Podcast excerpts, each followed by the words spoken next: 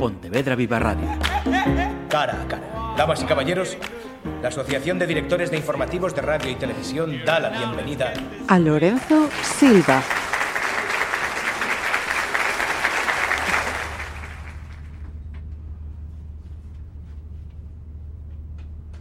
Soy una mala persona, al igual que muchos otros, podría decir. Con la diferencia, podría alegar, de haber dejado de buscarme una disculpa para justificar mis fechorías. ¿Y qué? Lo primero no me hace bueno y lo segundo no me hace mejor. Son solo complementos circunstanciales.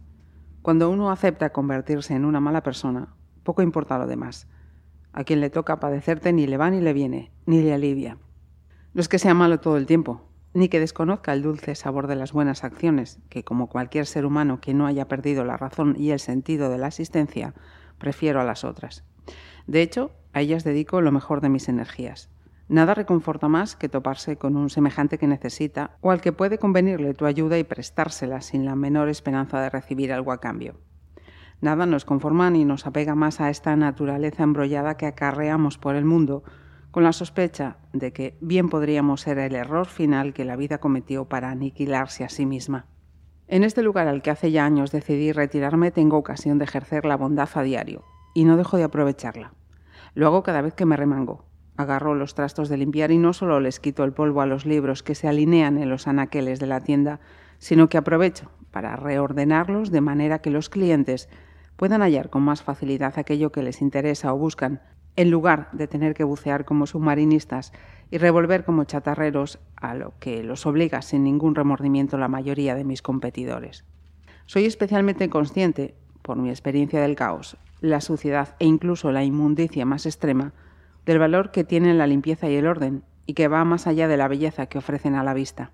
Quien extiende ante ti un espacio aseado y bien dispuesto, te hace beneficiario de un acto de amor en el que solo un imbécil o un mal nacido puede reparar sin experimentar una corriente instantánea de gratitud.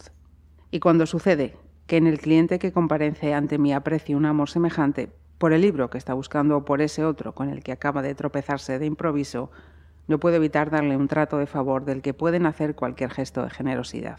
Desde cobrarle por el menos o mucho menos de lo que de veras vale, siempre que la rebaja no menoscabe de manera irreparable el negocio, hasta facilitarle, también con descuento, algún otro libro similar que nunca habría encontrado por sí mismo, paralizado como está por el asombro de poder adquirir el que sostiene entre sus manos.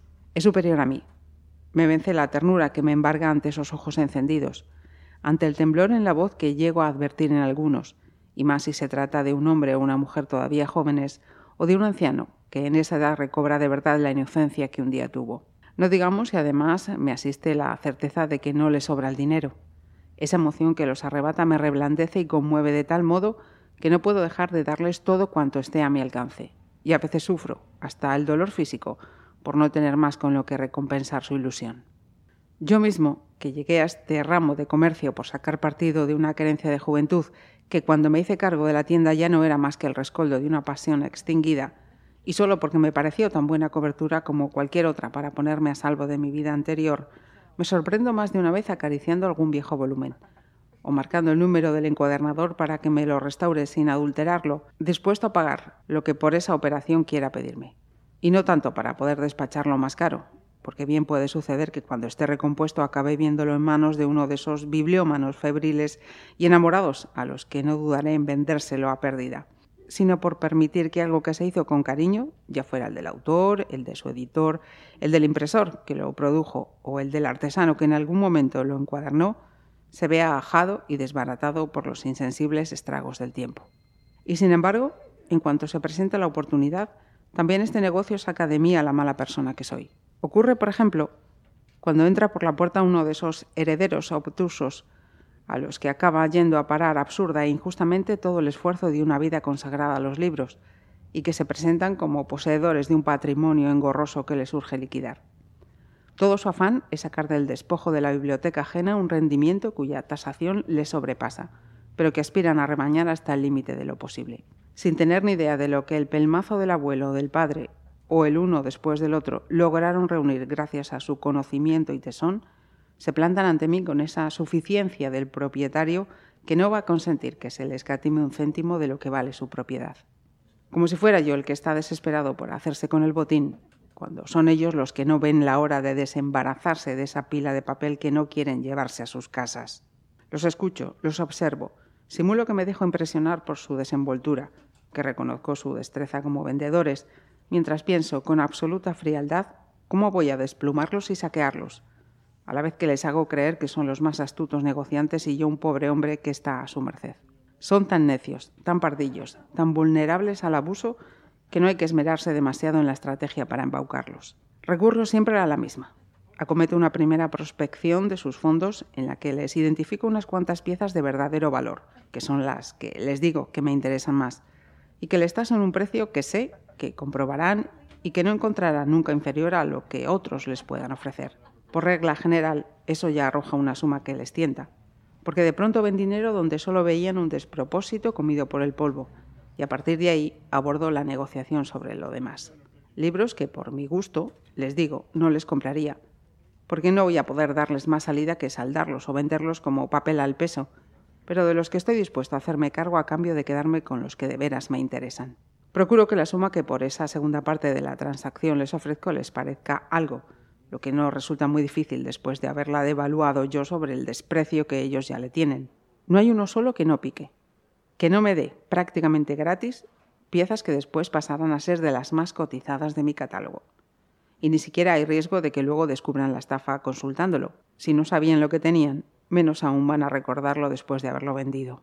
Con alguna de esas bibliotecas tristemente caídas en manos de zoquetes, he multiplicado por 10 y hasta por 15 mi inversión. Si acaso me apena por los que las juntaron, jamás siento nada por el primo al que desvalijo. Otro tanto sucede cuando viene el comprador prepotente, ya sea por instrucción superior, por su cartera o por ambas, que desde que entra por la puerta me trata como el estúpido criado que debe facilitarle su capricho en las condiciones que a él se le antojen, que para eso él sabe y vale y tiene lo que otros no. Aquí la negociación es más ardua y no siempre llega a buen término. Más de una vez, no lo voy a ocultar, acaba con el sujeto soltando un bufido, largándome un exabrupto y saliendo de la tienda de mala manera. Me fastidia un poco, por no haber podido darle del todo lo que merece. Pero lo compensan las ocasiones, que tampoco faltan, en que uno de esos engreídos tienden a ser varones, aunque también ha caído alguna mujer, se marcha con su libro bajo el brazo y algún otro de propina, dejando en mi caja dos o tres veces lo que, de ser más humilde, podrían haberle costado. Hay un detalle que en este punto me importa aclarar. Al engañar, y aunque ellos no se enteren, maltratar a estas personas, ni por un momento me abandono a la creencia de que lo que hago pueda tener alguna clase de justificación moral, o por decirlo de otro modo, alguna suerte de coartada que convierta el mal en bien. Les estoy robando, me estoy riendo de ellos, lo estoy despreciando tanto o más de lo que ellos me desprecian a mí o menosprecian la herencia de sus mayores cuyos desvelos malbaratan. No lo hago por restaurar o instaurar en el pequeño trozo del mundo que administro algo parecido a la justicia o por reparar los destrozos que su ruindad es capaz de provocar, ni con la esperanza de que el castigo o el ridículo redima de alguna manera a quienes sé que no pueden ser redimidos ni aspiro a redimir. Lo hago tan solo por perjudicarlos. Y por eso me satisface paladear la sensación de que lo consigo, aunque ellos ni siquiera lleguen a percatarse. Reniego de la autoindulgencia. Es el tipo de porquería que jamás, desde que tomé conciencia de mi maldad, he dejado que se acumule a la mugre que ya cargo por mis feas acciones. He visto demasiada gente, y me he visto a mí mismo más veces de las que me gustaría, echando mano de ese expediente cobarde y vergonzoso de buscarle a la infamia una explicación benigna para con el infame, que no es sino una forma rastrera de extremar la crueldad con su víctima. A las mías solo aspiro a cargarlas con el daño que les hago. Hace tiempo ya que renuncié a imponerles, por añadidura, la obligación de soportarlo por culpa de las mierdas que yo pueda tener en la cabeza para darle una justificación a lo que no la tiene. Si uno quiere hacer el bien, no hay otro camino que las acciones bondadosas. Si tu carácter o tus pasos te llevan a desempeñarte perniciosamente, lo que haces es el mal, y lo que te toca es convivir en adelante con la conciencia de lo que hiciste, de lo que eres capaz de hacer y de lo que debes impedir si no quieres que acabe apoderándose de todo tu ser sin dejar sitio para nada más.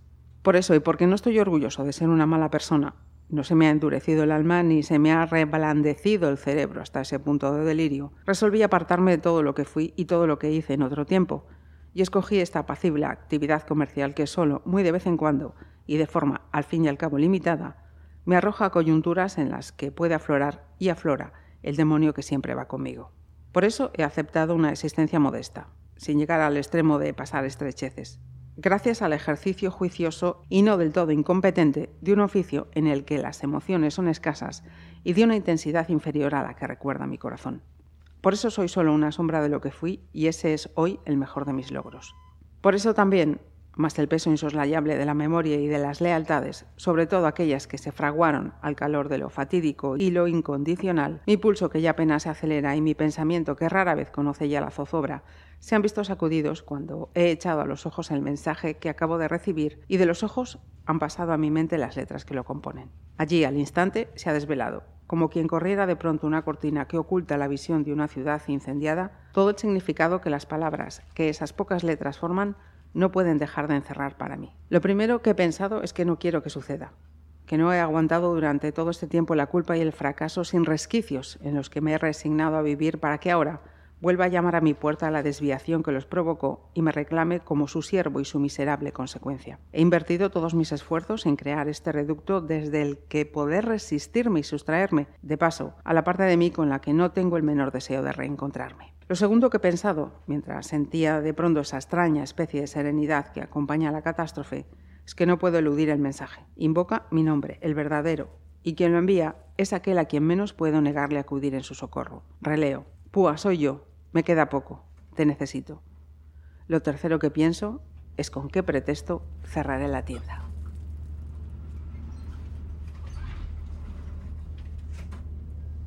Lorenzo Silva es que no necesita presentaciones. ¿Quién no lo conoce? Así que eh, lo que vamos a hacer en primer lugar es, eh, como somos personas educadas, darles las gracias por dedicarnos estos minutos. ¿Qué tal, Lorenzo? ¿Cómo estamos? Muy bien, muchas gracias a vosotros por atenderme.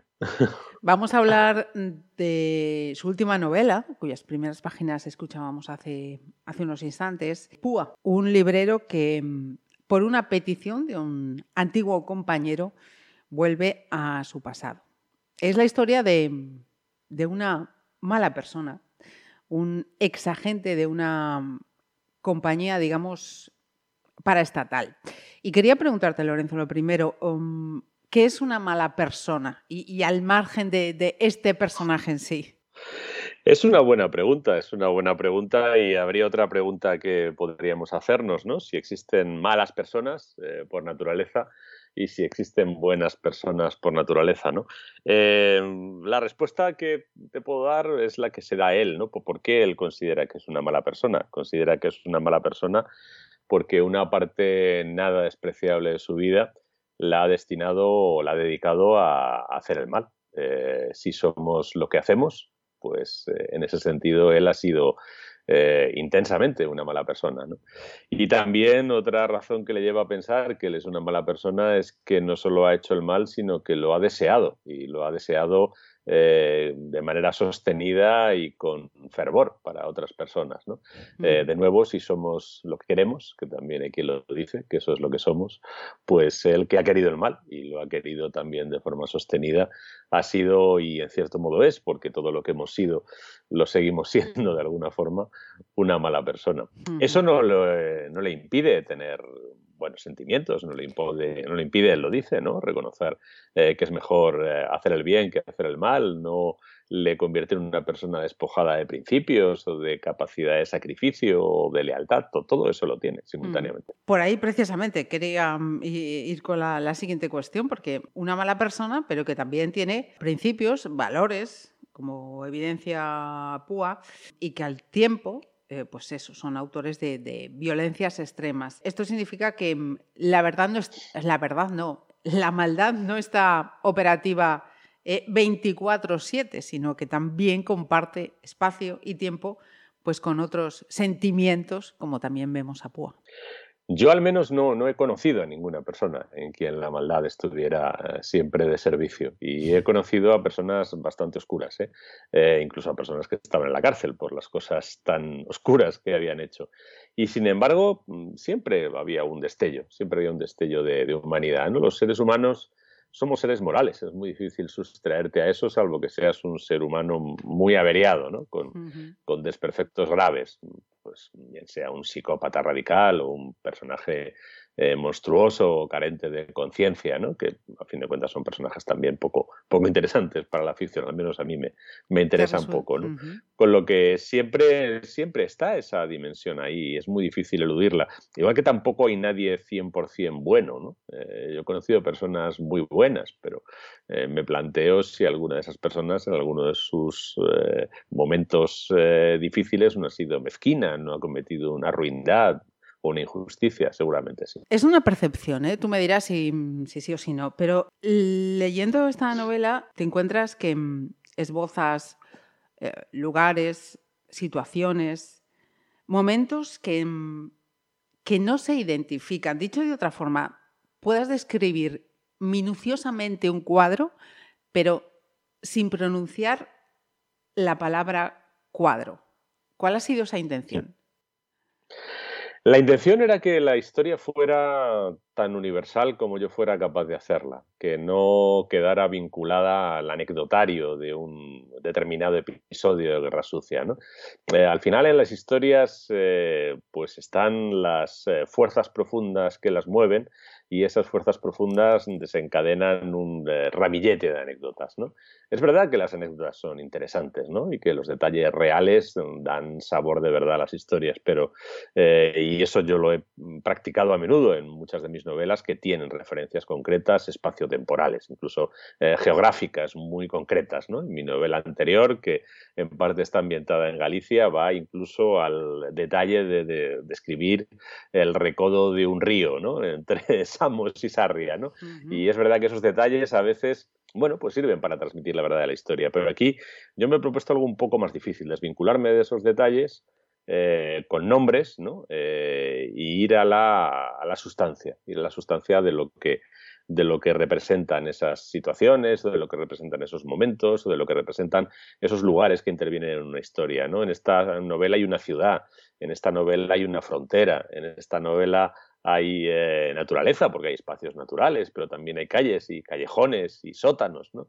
Y todo eso tiene un eh, valor en la narración que solo se puede apresar a través del detalle. Incluso mi personaje lee libros y hasta habla de cómo son los libros, y hasta poesía y, y, hasta menciona ideas que están en poemas que lee, pero no aparece el nombre de un solo poeta, de una sola novelista, de un solo novelista, no, no aparece absolutamente nada porque intento que la novela se, eleve sobre esa anécdota particular para tratar de bucear en, ese aspecto universal, en esa dimensión universal que tiene el mal que está inserto en la condición humana y que, bueno, pues cuando se le da la oportunidad y a veces se le da por descuido, a veces se le da por debilidad, a veces se le da por atolondramiento, pero también hay más razones, pues eh, se despliega y se ejerce sobre otros seres humanos. Te he escuchado explicar, Lorenzo, que, que este libro ha resultado de conversaciones durante años con personas que, que han participado en y contra el terrorismo. Hmm, sí, y no solo eso, también eh, en los últimos años, bueno, pues yo me he ido embarcando en una serie de proyectos que me han llevado a, acercarme a historias violentas de, todo tipo, ¿no? También conflictos bélicos o también revoluciones, ¿no? Hace dos años he publicado un libro sobre la revuelta de las comunidades castellanas contra el emperador Carlos V, que fue una revuelta extremadamente violenta, donde hubo linchamientos y donde hubo eh, todo tipo de, de sevicias y crueldades contra eh, seres humanos que además eran vecinos, ¿no? Eran vecinos entre sí. Y digamos que de ese conjunto de, testimonios, eh, insisto, no, necesariamente relacionados con el terrorismo o el contraterrorismo, sino con formas eh, de violencia muy diversas, lo que me surgía era la reflexión o la necesidad de, acercarme a, través de un, de un, personaje en primera persona, no desde lejos, no desde esa cómoda posición del espectador, a esa genealogía del mal, ¿no? A cómo eh, el mal anida en, una voluntad humana, cómo esa voluntad humana se aplica a causarlo y, qué pasa después. Es decir, qué, pasa cuando eso queda atrás y, es un material que una persona carga en su memoria y está obligado además a, acarrearlo, salvo que sea un inconsciente o salvo que eh, haya aprendido a maquillarse la realidad, que todos eh, podemos, sin pensar mucho, eh, tener a la, a la, mano ejemplos de gente que parece que sí acierta o, consigue ser inconsciente o maquillar su propia realidad, pero bueno, para eso hay que valer, ¿no? Leyendo también estas, estas páginas y como decía antes, describes minuciosamente sin poner nombres y apellidos algunas cosas, pero creo que cada lector le pone sus eh, nombres y apellidos. De hecho, comienzas con una advertencia. Esta es una historia de ficción. Hechos como los que en ella se cuentan ocurrieron, ocurren y seguramente seguirán ocurriendo en diversos tiempos y lugares, pero ninguno de ellos, ni de sus protagonistas o sus circunstancias, pretende lo relatado aquí ese reflejo fidedigno ni siquiera aproximadamente. Con todo esto, incidir en que pues una ficción y, comienzas con esa advertencia es, es un gancho, es, mm, jugar al lector, desengancharnos de, esas escenas que nos llevan, sí, sí, me está diciendo que no, pero, pero en realidad es esto. No, todo lo contrario. Yo, yo con el lector al que le, mm, por el que profeso una gratitud eh, absolutamente inabarcable, eh, con el lector siento la obligación suprema de ser siempre leal y precisamente lo que quiero es ser leal con él. Si yo le hubiera querido contar una historia concreta de unos señores o unas señoras con nombres y apellidos en determinado momento, en determinado sitio, lo habría hecho como lo he hecho, como lo he hecho unas cuantas veces metiéndome en historias bastante complicadas que me han granjeado pues eh, simpatías, antipatías, eh, alabanzas y denuestos, ¿no? Eso ya lo he vivido unas cuantas veces, con lo que no, no, no tengo prevención ni, ni, ni, aprensión a ese tipo de situaciones. Precisamente yo aquí me he querido remontar eh, sobre las peripecias concretas porque me parecía que era más útil, porque en un episodio como este ir a las peripecias concretas quizá habría sido eh, sumarse o incitar al ajuste de cuentas eh, particular que, tampoco tiene sentido, tampoco tiene sentido. Yo creo que eh, precisamente una de las dificultades que plantea en estas historias es lo que cuesta no solo a quienes las viven, sino a las generaciones posteriores superarlas, dejarlas atrás, convertirlas en un material común que sirva para una reconciliación razonable, porque en las sociedades no se puede vivir con eh, fracturas perpetuas. Las fracturas en algún momento hay que eh, salvarlas con pasarelas. Eh, entonces, bueno, yo he preferido ir a una historia universal que vaya a esas causas por las que eh, unos y otros ¿no? Eh, se infligen daños abusivos e injustificables, más allá que señalar los de este, los de aquel, los de fulanito, los de menganito. Eso me interesaba menos. Decías, ese respeto a, los lectores, que no me cabe ninguna duda, pero ¿eres consciente, Lorenzo, de que nos lo haces pasar mal? Leyendo bueno, porque yo lo he pasado mal antes también. ¿eh? yo no solo soy una persona pacífica, sino que, por ejemplo, para mí resulta absolutamente inconcebible, por ejemplo, la posibilidad de tener a una persona indefensa a mi merced y dejarla de cualquier manera, ¿no? Eso me parece una de las cosas más, más difíciles, ¿no? Como también creo que, eh, que poseo un exceso de conciencia por lo mucho que he leído acerca de guerras, terrorismos, víctimas de guerras y de eh, terrorismos y de contraterrorismos, eh, también me resultaría muy difícil tomar fríamente la decisión de, eliminar físicamente a otro ser humano, ¿no? Eh, hombre, el fragor de, de, qué sé yo, de, un daño recién recibido, que me acabaran de matar a alguien muy cercano, de la ira, de la cólera, de, del absoluto descontrol, pues cualquiera puede hacer cualquier cosa, ¿no? Eh, pero fríamente, siguiéndolos durante semanas y eh, buscando el lugar más a propósito y más ventajoso para poder matarlos por la espalda. Yo, que es lo que hace mi personaje, vaya, entre otras cosas, ¿no? Es algo que a mí me resulta muy, muy difícil. Creo que yo en algún momento me, me, rajaría, ¿no? Perdería ese ardor y pensaría, mm, sobre todo si tiene un par de niños o si tiene una madre que esté viva por ahí en algún lado. Todavía, en, lo que va a ser la vida de esas personas a partir de, la pérdida violenta y abrupta ¿no? de esa persona, haya hecho lo que haya hecho y sea quien sea. Y, eso de estar em, siguiendo las, em, entre comillas, y de forma muy suave, andanzas de, de, este protagonista eh, sin empatizar con él. Él no lo espera, además. Sí, sí, yo, una decisión que tomé, una decisión que tomé y me costó, ¿eh? porque yo empecé, de hecho, la novela en tercera persona, pero, pero luego pensé que eso era un poco una, una cierta ventaja, ¿no? Una comodidad. Eh, y a lo mejor tenía una cierta cobardía, ¿no? Sí, porque lo pones ahí, bueno, pues ya lo miras desde fuera y, y, aquí estamos los buenos y vamos a ver un rato lo que hacen los malos, ¿no? Pero al hacerlo en primera persona, al hacerlo en primera persona y al poner al, al lector dentro del personaje, eh, también tuve que, que, plantearme cuál era su actitud, ¿no? Y, yo sí tuve claro que él no iba a buscar la aprobación de, del lector. Además, su relato eh, tiene un destinatario, eso lo descubrimos al final, ¿no? Y es un destinatario que le importa mucho. Y ese destinatario lo que le importa por encima de todo es transmitirle su verdad. Le importa mucho más que quedar bien, ¿no? Yo creo que vivimos en una sociedad donde permanentemente estamos intentando quedar bien. Y a veces quedar bien atenta contra tu verdad. Y, hombre, no quiero decir que uno tenga que ir soltándole todas las verdades a toda la gente con la que se cruza de la primera manera que le vienen las verdades, porque esa es gente insoportable que no puede vivir en sociedad y con la que nadie se quiere cruzar, ¿no? Pero la impostura permanente, la, la, necesidad de quedar bien a toda costa, a veces eh, te hace, bueno, pues faltar a tu verdad y él piensa que, bueno, que su verdad es más importante que su buena imagen, ¿no? Sobre mm. todo frente al destinatario de su historia, que es en la ficción alguien y el, el, artefacto literario, en mi caso, es el lector. Eh, no necesito tanto que mi protagonista quede bien con el lector como para que el, como que el lector sienta que se ha asomado a la verdad de un ser humano, ¿no? a la verdad oscura, compleja, contradictoria de un ser humano, como en cierta medida eh, lo son todas las verdades de cualquier persona. Le quiero preguntar al experimentado y con larga trayectoria de, de escritor. Has dicho que es tu tu novela más negra, y yo he leído también que la están definiendo como um, el thriller del año. ¿Cómo le pesa eso al, autor? Lo de la novela más negra es, eh, es, fácil más o menos de decir porque, aunque yo he escrito mucha novela negra, esta es la primera vez que, el punto de vista está tan centrado en, en, un criminal, en un malvado, que además eh, lo, ha sido lo ha podido ser hasta extremos importantes y, tiene esa conciencia. ¿no?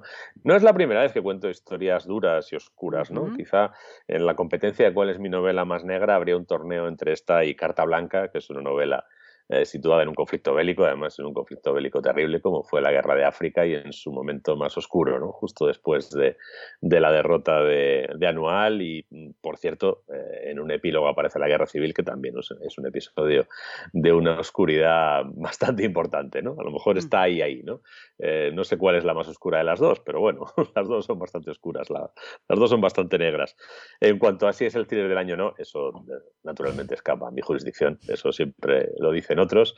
Y además siempre es cuestionable. Siempre habrá quien piensa, quien piense que es el cine del año y quien simultáneamente piense que es el truño del año. Y eso es algo con lo que un creador debe convivir lo más apacible y tranquilamente que pueda, porque al final te expones a la diversidad del gusto humano y las consecuencias pueden ser eh, muy diversas. Diversas.